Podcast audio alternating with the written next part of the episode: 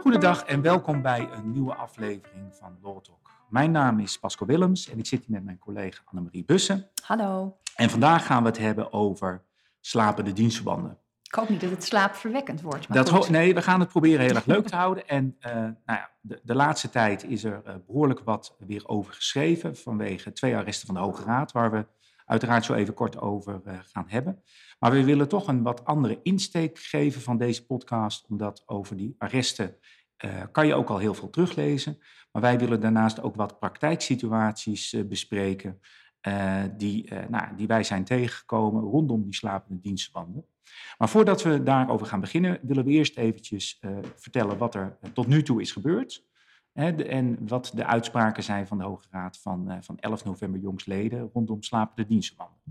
En het begint dan met de zogenaamde Xella-uitspraken. Ja, wij, wij zaten in de voorbereiding al. Hè, als je een, een arbeidsrechtjurist het woord Xella noemt, nou dan veert hij op en dan weet hij meteen waar het over gaat. Terwijl heel begrijpelijk het voor mensen die in de praktijk prima weten dat er een compensatieregeling is en dat je soms een arbeidsovereenkomst van iemand die twee jaar ziek is geweest niet beëindigt, omdat je dan ehm, een transitievergoeding zou moeten betalen. Ja, die denken Xella, Xella. Maar goed, dat is eigenlijk gewoon de naam die het arrest, of de, de beschikking moet ik volgens mij zeggen, van de Hoge Raad heeft meegekregen in 2019. Weet je trouwens overigens waar Xella vandaan komt, wat het is? Nou, volgens mij heb ik er wel eens een keer achter gestaan in de file. En heb ik zelfs toen nog een fotootje gemaakt van het busje. Dat ik dacht, hé, hey, dit, is, dit is... Was het niet een, een, een- woonzorginstelling of iets Nee, zeker niet. Nee, Oh, Xella is een eh, gasbetonfabriek. Oké. Vroeger waren dat de, de binnen, nog steeds binnenmuren in huizen. Eh, dat is gasbeton, dat is dat lichte spul, weet je wel, waar die binnenmuren van gemaakt zijn. Vroeger heette dat Durox. En eh, met enige trots kan ik vertellen dat mijn oom daar heel lang directeur van is geweest. Ehm, is nu inmiddels een jaar of tien, denk ik, al met eh, pensioen. Ehm, maar het is dus een gasbetonfabriek. ja, maar de- het arrest van de Hoge Raad. ehm, Ja, even, even gewoon heel kort. Eigenlijk heeft de Hoge Raad in het arrest uit 2019 alweer bepaald dat als een werknemer wiens arbeidsovereenkomst na twee jaar ziekte ehm, gewoon tussen aanhalingstekens wordt voortgezet, er is geen loondoorbetalingsverplichting meer, er wordt ook niet meer gewerkt, maar het dienstverband wordt slapend gehouden. Als zo'n werknemer zijn vinger opsteekt en aan de werkgever vraagt: Werkgever, wilt u mijn arbeidsovereenkomst beëindigen? Onder toekenning van de transitievergoeding, dat een werkgever op grond van het goed werkgeverschap met zo'n verzoek moet instemmen. Dus eigenlijk was dat best wel een baanbrekende uitspraak, omdat er een soort ontslagplicht werd geïntroduceerd Precies. door de Hoge Raad. Werkgever, wil je mij maar ontslaan? En dan zei je werkgever, nou ja, het staat je vrij om te gaan. Hè. Je kunt zelf opzeggen. is hier afgeschaft. Ehm, kan zelf opzeggen. Alleen als je zelf opzegt, krijg je geen transitievergoeding. Maar de gedachte hierachter is, werkgever, wil jij mij ontslaan? En als jij mij dus ontslaat, dan eh, heb ik wel recht op een transitievergoeding. En de, de, ehm, nou, de eerste uitspraak die daarover ging, was eigenlijk over het scheidsrecht voor de gezondheidszorg. Hè. Een, een terminaal eh, Ja. zieke medewerker die hij daarom vroeg. En toen we die uitspraak zagen, dachten we, nou, wat, wat onzin. Want juridisch heb je de wil en verklaring. Hè, de werkgever wilde helemaal niet ontslaan. eh, want die had zoiets van, nou, ik heb geen zin in die transitievergoeding te betalen. Eh, maar uiteindelijk heeft de Hoge Raad bepaald in die Xelle-uitspraak dat die verplichting er wel is. Mede vanwege het feit dat er de compensatieregeling is bij langdurige arbeidsongeschiktheid. Juist, want, want de uitspraak van het scheidsgerecht, ik heb niet meer helemaal paraat, maar die was in ieder geval van voor 20 juli 2018. Ja. En dat is wel een belangrijke datum, want dan kunnen we meteen een bruggetje maken naar de twee uitspraken die nu in november door de Hoge Raad zijn gegeven over, nou ja, we noemen het maar even deze Xella-verplichting, het Xella-verzoek wat een werknemer kan doen. Namelijk dat er, eh, als jij als werkgever na langdurige arbeidsongeschiktheid de arbeidsovereenkomst eindigt met een werknemer, dat de transitievergoeding die jij, bepaal, die jij dan moet betalen, dat die wordt gecompenseerd. Ja. Dat is sinds 1 april 2020 ook gewoon in de wet vastgelegd, artikel 673e van boek 7. Maar dat was daarvoor was dat niet zo. En vandaar dat dus de dienstverbanden ook slapend werden gehouden. Omdat werkgevers zoiets hadden van ja, maar als wij nu een transitievergoeding moeten betalen, dan, um, ja, dan, dan betalen wij een transitievergoeding. Terwijl er, uh, hè, wij gaan dat niet terugkrijgen. Dat werd onfatsoenlijk gevonden door de overheid. Daar is toen dus een wet voor gemaakt. En die is op 20 juli 2018 is die gepubliceerd in het Staatsblad. En uiteindelijk pas in, uh, op 1 april 2020 daadwerkelijk in werking getreden. Ja, over die datum komen we zo nog te spreken. Maar de Xella-uitspraak zorgde dus voor dat werkgevers ja, bijna uh, massaal, hè, want ik weet dat vanuit rechtsbijstandsverzekeraars is daar ook wel een campagne over opgestart, verzoeken kregen van medewerkers van, uh, nou, ik ben uh, een slapend dienstverband, hè, mijn, mijn arbeidsovereenkomst is wat dat betreft inhoudsloos geworden, ik ben nog wel in dienst, maar ik doe niks meer, ik ben langdurig ziek en ik wil graag gecompenseerd worden. Overigens wordt er gecompenseerd tot en met einde wachttijd. Ja. Uh, terwijl dat de transitievergoeding aan zich normaal gesproken per de datum waarop het dienstverband eindigt. Daar zit soms nog wel tijd tussen. Uh, bijvoorbeeld als er een loonsanctie is opgelegd. Daar kunnen we straks misschien nog wel eventjes over hebben. Um, maar naar aanleiding van die Excel-uitspraak waren er een aantal uh, vragen, kwamen eruit voort. En een van de vragen die uh, speelde was van ja, um, de transitievergoeding kennen we sinds 1 juli 2015 met de invoering van de WWZ, toen eigenlijk het hele ontslagrecht op de schop ging. Maar hoe zit het nou met medewerkers die voor 1 juli 2015 einde wachttijd hadden? He, ja. Dus eigenlijk al in 2013 of eerder ziek zijn geworden en daar uh, een beroep op doen. De ja, want, want daar, zag, daar, daar zag je namelijk ook echt heel veel verschillende uitspraken.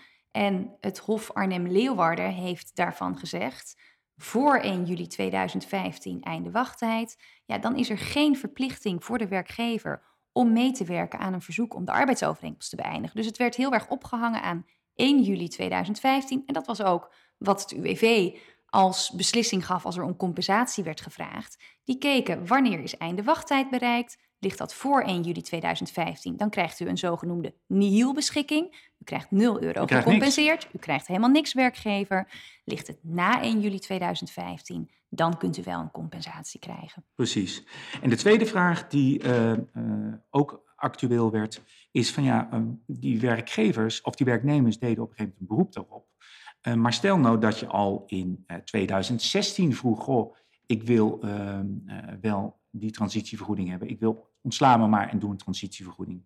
Of ik deed dat in uh, juni 2018. Maakt het moment waarop je daar een beroep op deed ook nog uit? Nou, die twee vragen, er zijn nog meer vragen en daar komen we zo meteen nog op. Hè, want die Xella-uitspraak heeft echt heel veel vragen uh, opgeworpen. Maar over die twee vragen die ik net heb genoemd zijn uh, arresten geweest door de Hoge Raad op 11 november jongsleden. En eigenlijk heeft de Hoge Raad het volgende bepaald. Verzoeken die zijn gedaan door de werknemer na 20 juli 2018, die komen voor compensatie in aanmerking. Dus dat wil zeggen, als een medewerker na 20 juli 2018 tegen de werkgever heeft gezegd: Goh, werkgever, ontsla mij maar, maar ken mij de transitievergoeding toe, want. En misschien heeft hij nog niet, dat niet eens gezegd, maar nu komt de compensatieregeling eraan. Daarvan had de werkgever daaraan mee moeten werken. Want, zegt de Hoge Raad, je had kunnen weten als werkgever op 20 juli 2018, toen de compensatieregeling in uh, de staatscourant is uh, gepubliceerd, dat die compensatieregeling aankwam.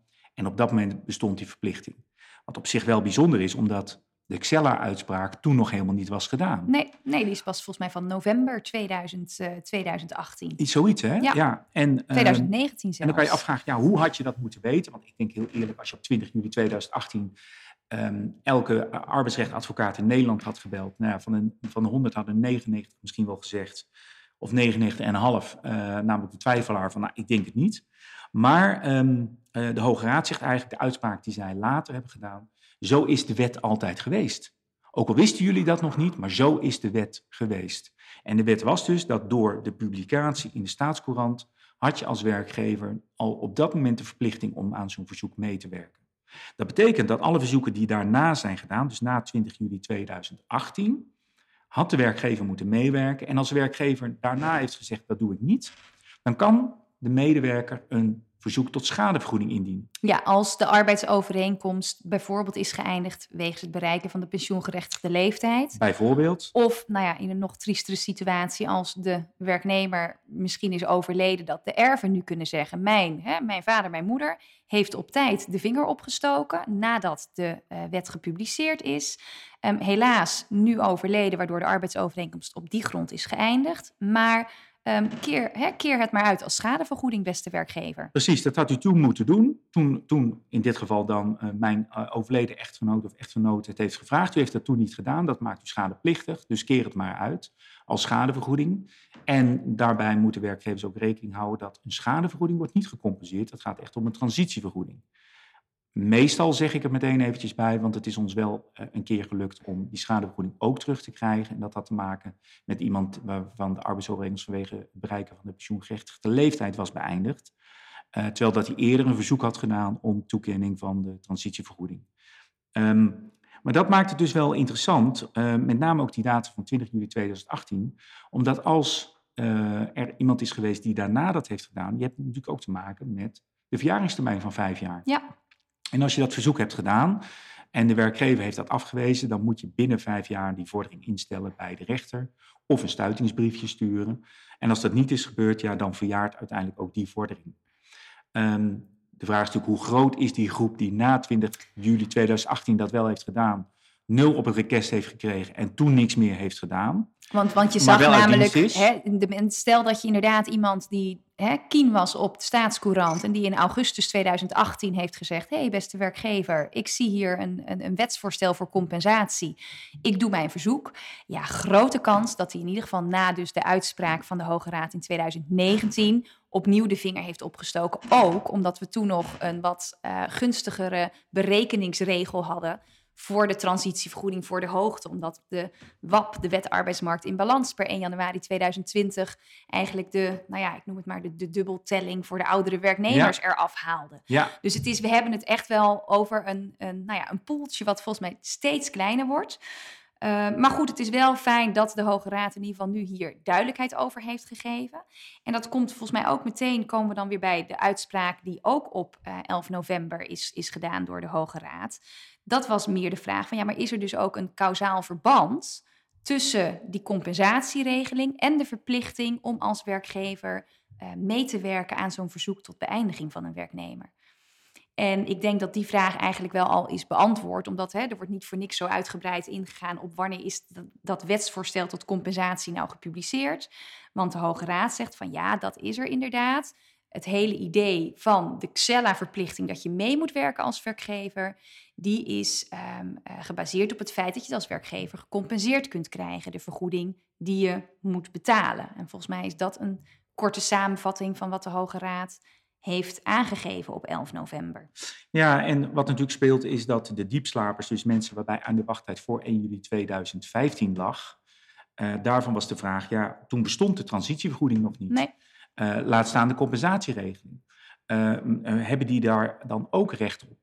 nou heeft natuurlijk de Centrale Raad van Beroep eerder dit jaar bepaald dat ook diepslapende mensen, dus die voor 1 juli 2015 uh, in uh, ziek werden of um, einde wachttijd hadden, dat die ook recht hadden op de compensatieregeling. Dus de Centrale Raad van Beroep heeft vanuit de sociale zekerheidskant, de UWV-verplichtingskant, zeg maar, die uh, compensatieregeling daar naartoe opgetrokken.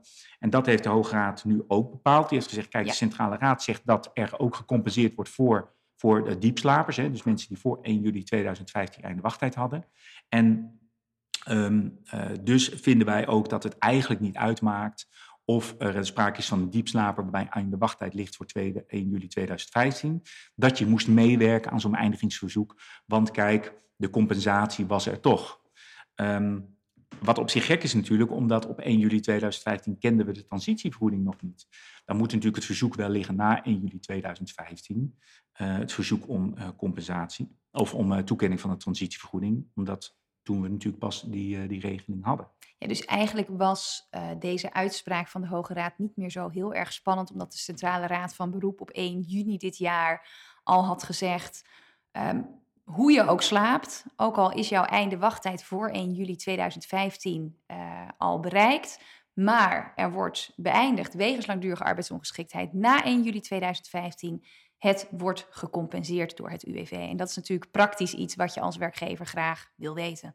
Ja, kijk, werkgevers wezen natuurlijk dat soort verzoeken eerder af, omdat ze zeiden, ja, wij krijgen dat niet gecompenseerd. Hè, want UWV heeft heel lang ook het beleid gehad. Ja, dat ze op dat de website, niet, op rijksoverheid.nl. Dat ze dat niet deden. Uh, dus dat werd heel veel afgewezen. Toen de Centrale Raad zei, maar die compensatieregeling geldt ook voor die periode daarvoor, was de kans dat de Hoge Raad dit ging zeggen natuurlijk best groot, omdat de Hoge Raad in Xella de koppeling heeft gemaakt tussen de verplichting om eraan mee te werken en het bestaan van de compensatieregeling. Maar nu heeft de Hoge Raad dus ook gezegd dat die verplichting om mee te werken er dus ook geldt. In theorie had de Hoge Raad ook kunnen zeggen, ja, ongeacht of die compensatieregeling ook daarvoor was, wij vonden dat bij diepslapers er geen verplichting was vanuit het goed werkgeverschap om mee te werken aan beëindiging van het, uh, van het dienstverband. Um, maar dat is dus wel gedaan. Dus Ehm, die twee vragen zijn, uh, zijn wel beantwoord. Um, maar tegelijkertijd zijn er nog wel een aantal andere vragen die in de lagere rechtspraak ook wel aan de orde zijn geweest en die wij in onze praktijk ook uh, zien terugkomen.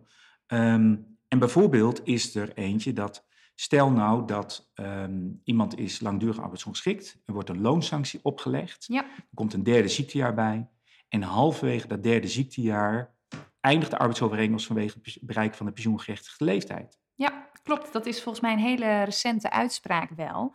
En die werknemer die zei van ja, hé, hey, maar ik, ik loop nu mijn transitievergoeding mis omdat mijn werkgever ehm, een loonsanctie heeft gekregen. Oftewel, mijn werkgever heeft het niet goed gedaan tijdens mijn reïntegratieperiode.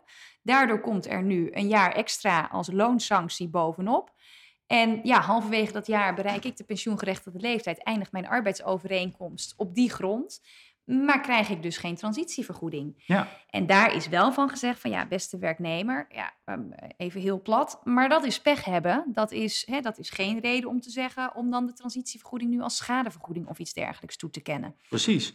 En dat is dus interessant, hè? want dat betekent dat een medewerker die uh, vlak voor zijn pensioengerechtigde leeftijd einde wachttijd bereikt, en de vraag is, wordt hier een loonsanctie opgelegd of niet, heeft er bijna belang bij dat er geen loonsanctie wordt opgelegd omdat als die loonsanctie wordt opgelegd en die werkgever zegt, nou ja, dan uh, laat ik die loonsanctie gewoon doorlopen, dan ga je met de pensioengerechtigde leeftijd uh, uit dienst. Um, dan kan die medewerker tijdens dat, die, uh, die loonsanctieperiode zeer waarschijnlijk geen, geen beroep doen op van nou beëindig mijn dienstverband maar. Nee, want, want er geldt een opzegverbod. Ik wil net zeggen, en dan zit je dus nog niet aan het stukje einde wachttijd, want er mag nog niet beëindigd worden. Ja. En, en, maar dat is even een vraag die mij te binnen schiet. Kijk, als werkgever kun je verkorting van een loonsanctie aanvragen. Kun je dat als werknemer over, trouwens ook? Nou ja, de, de loonsanctie is dat de werkgever moet repareren en de werkgever moet aangeven dat hij gerepareerd heeft. De beschikking wordt ook gericht aan de werkgever en de werknemer krijgt een kopie. Ja, of de werknemer zou dan in bezwaar moeten gaan tegen de loonsanctie. Dat, dat, doen. dat absoluut, absoluut. Maar dat, dat gaat natuurlijk per einde wachttijd. Hè? Dus als je uh, een, een, werknemer bijstaat of daar naar het belang naar de werknemer kijkt, en dat zit voor, vlak voor de pensioengerechtigde leeftijd, dan uh, zou ik geneigd zijn om het met de werkgever op een akkoordje te gooien, voor zover dat kan uh, bij ten aanzien van de loonsanctie. Want dan zeggen ja, ik wil helemaal geen loonsanctie hebben. Ik wil graag per einde wachttijd beëindigen. Ik wil een verzoek doen om mijn arbeidsovereenkomst te laten beëindigen door middel van een vaststellingsovereenkomst en werk maar mee werkgever. Ja. En, dan, en dan ook nog uh, eraan meewerken dat het UWV dus die loonsanctie niet gaat opleggen. Want daarmee kan je een transitievergoeding mislopen. En meestal als medewerkers tegen de pensioengerichte leeftijd aanzitten, dan hebben ze ook wel uh, een, een, behoorlijke transitievergoeding. Ja. Um, ja, het dus, zou dan bijna lonen. Want als je inderdaad gaat rekenen, misschien nou, dat halve jaar loonsanctie extra dat is nou, het zes maanden zijn, zeven maanden. Grote kans dat de transitievergoeding uh, hoger uh, Ja, transitievergoeding wordt natuurlijk wel gecompenseerd. En die, uh, ja, voor de werkgever. Nee, maar voor, de, werkgever natuurlijk. Maar voor de werknemer ja. zeker. Ja, klopt. En die medewerker heeft als het goed is, als er ook geen loonsanctie wordt opgelegd, natuurlijk ook nog recht op een WGA of een WW. Ja. Ehm, dus dat betekent dat de, de belangen gaan in één keer parallel lopen. En ondanks dat een UWV natuurlijk niet verplicht is om de visie van de medewerker te volgen, denk ik dat je er allebei, ehm, als je erop aandrukt, nee, wij hebben alles goed gedaan, werkt nee, natuurlijk wel mee dat wanneer een medewerker zegt, nou ja, ik vind dat mijn werkgever uh, absoluut de kantjes ervan afgelopen heeft. Dat is in ieder geval uh, nou ja, wel een interessante voor de praktijk. Een andere voor de praktijk die interessant is, is, um, want je stipte net al aan, we hebben in de loop der tijd ook een wijziging gekregen in de berekening van hoe een transitievergoeding wordt berekend.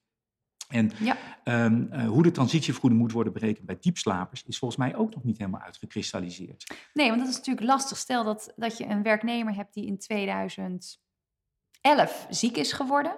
Dus einde wachttijd 2013. Ja, toen hadden wij geen berekening voor een transitievergoeding, want er was geen transitievergoeding. En stel dat hij dan in 2016, dus na, nee, 2016, 2019 een verzoek heeft gedaan. Na 20 Ja. juli 2018. Maar het is een hele diepslaper. Eh welke Waarop toen de werkgever heeft gezegd: hey, zie het UWV, zie Rijksoverheid.nl, zie het Hof Arnhem-Leeuwarden voor 1 juli 2015 einde wachttijd, dus ik hoef niet mee te werken. Precies. Ehm, welke transitievergoeding bereken je? Het UWV compenseert per einde wachttijd die voor 1 juli 2015 lag, toen we nog geen transitievergoedingberekening kenden. Dus dat is wel een interessante wat ze dan gaan pakken. Ik vermoed dat ze gewoon de transitievergoedingberekening per Zoals 1 juli nu. 2015 doen. Per 1 juli 2015. gaan compenseren, Ja. want dat is de meest dicht, dichtbijzijnde bij einde wachttijd. Of gaan ze toch compenseren de berekeningswijze per einde wachttijd, gebaseerd op de berekeningswijze op de datum van het verzoek. Van het verzoek. Ik wil net zeggen, dat zou Dat ik zou dan nog kunnen. wel een soort van, nou ja, correcte uitkomst. Ja. Maar het is natuurlijk heel raar. Het is heel raar. Maar sowieso de hele compensatieregeling in combinatie met Xella is Ja. natuurlijk al heel raar. En eh, ja, eh, daar, daar is al heel veel over geschreven. Ook de ongelijkheid die erin zit van mensen die gezond met pensioen gaan en mensen die eh, vlak voor hun pensioen einde wachttijd bereiken, daar een verzoek op doen en dan nog de volledige Ja. transitievergoeding meekrijgen. Twee situaties die, waarbij allebei de medewerkers met pensioen gaan, waarbij de een echt eh, misschien wel 80.000 euro bruto krijgt als hij de volledige Ja. transitievergoeding krijgt. En de andere die krijgt vaak eh, Een gouden horloge met een beetje geluk en een mooie bos bloemen voor de vrouw. ja, of gewoon een, een, eh, een, een, een borrel met koude bitterballen en een warme handdruk. Ja. Ehm, en ik ken ook werkgevers die zeggen, ja, wij vinden dat gewoon niet uit te leggen. Ja. Ehm, want ehm, het voelt gewoon niet goed, ook al krijg je hem gecompenseerd, het voelt gewoon niet goed om dat op die manier te doen. Want, dat moeten we er ook bij zeggen, de transitievergoeding wordt natuurlijk lang niet altijd gebruikt om bijvoorbeeld mensen te helpen van werk naar werk.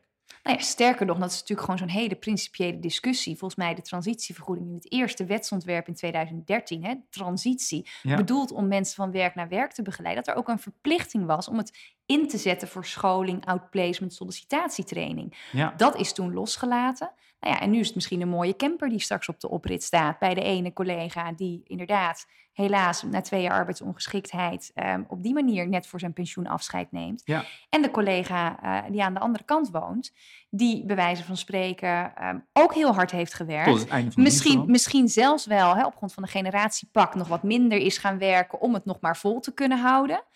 En die inderdaad eh, alleen maar de, de afscheidsborrel krijgt. Ja, die ongelijkheid, eh, ja, die, die haal je eh, nu niet uit, maar die, merk je wel dat werkgevers daar tegenaan lopen en dat ze dat heel erg eh, lastig vinden. Ehm, En dan is het, en, en dat is misschien, maar, maar dat het. volgens mij hebben wij ook wel na moeten denken met elkaar over van hè, zo- zo'n zo'n verzoek, zo'n vraag om eh, te beëindigen.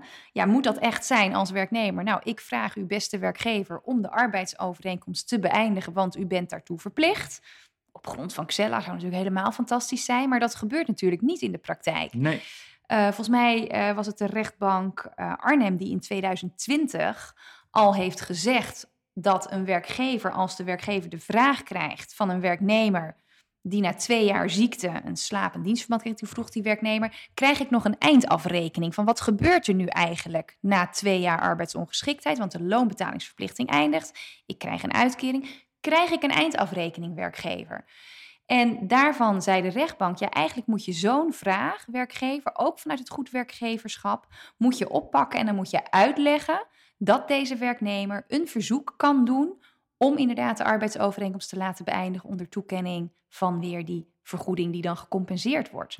ja, dat, dat was inderdaad een uitspraak waarbij de rechter wel heel erg ehm, richting de medewerker Ja. dacht. Ook denk ik vanwege het feit dat het gecompenseerd werd. Hè, dus wat is Ja. dan je belang als werkgever?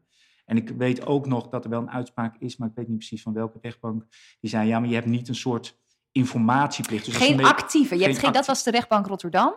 Je hebt geen actieve informatieplicht, maar toen kwam de rechtbank Arnhem er wel weer overheen. Ja, maar als jouw vragen worden gesteld, hoe zit het dan nu? Hè? Wat gaat er nu gebeuren? Die last daar toch wel weer dan een, hè, een, een soort passieve informatieplicht. En dat als jij door de werknemer uh, als je van de werknemer vragen krijgt, ja, dan moet je wel het volledige plaatje moet je schetsen. Ja, en de vraag is van hoe ver moet je dan gaan? Ja, hè? zeker. Ook daar moet de Hoge Raad zich nog uh, over buigen. Ehm, maar wel een interessante voor de praktijk. En de, het laatste wat ik nog even wilde aanstippen is, uh, en die, die kwestie hadden we laatst in onze praktijk. Um, medewerker per einde wachttijd uh, werkt niet. heeft nog wel benutbare mogelijkheden, dat is denk ik wel van belang.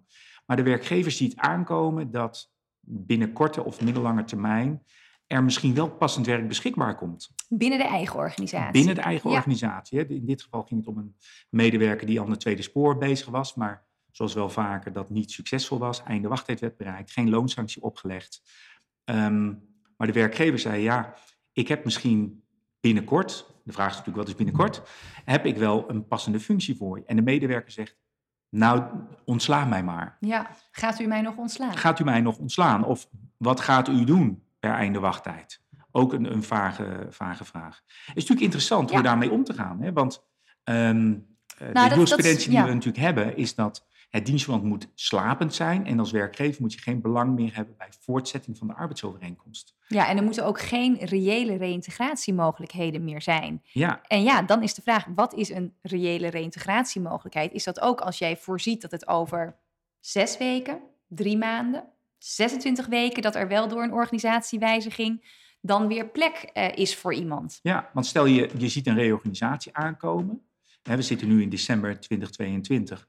Maar je denkt, ja, vanaf 1 januari gaan we reorganiseren. En dan ontstaat er voor deze zieke medewerker een passende functie. Hè. We gaan uh, dat opnieuw ja, doen. Stoelendansen, er komen nieuwe functies. Ja. Uh, ik denk dat je dan een goed verhaal hebt als werkgever om te zeggen, nee, wij gaan je die functie nu aanbieden.